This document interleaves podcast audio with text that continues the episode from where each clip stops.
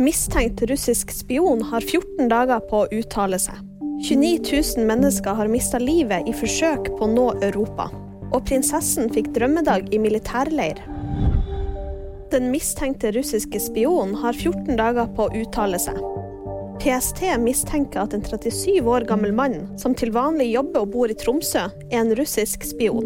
Justisdepartementet har blitt kontakta om saken. Det bekrefter justis- og beredskapsminister Emilie Enger Mehl. Ifølge PST har de informasjon om at mannen er i Norge på oppdrag for russiske myndigheter, med uriktige brasilianske identitetspapirer. Den russiske ambassaden sier til VG at de ikke vet hvem mannen er. 29 000 mennesker har mista livet i forsøk på å nå Europa. Dette er tall tilbake fra 2014. Bare de to siste årene har over 5000 mennesker mista livet, ifølge Den internasjonale organisasjonen for migrasjon. Den farligste ruta er ifølge IOM over Middelhavet. Prinsesse Ingrid Alexandra fikk drømmedag i militærleir. Opplevelsen gikk ut på at prinsessen skulle få én dag i Hæren, én dag i Sjøforsvaret og én dag i Luftforsvaret. Hun fikk besøk i 18-årsgave av Forsvaret.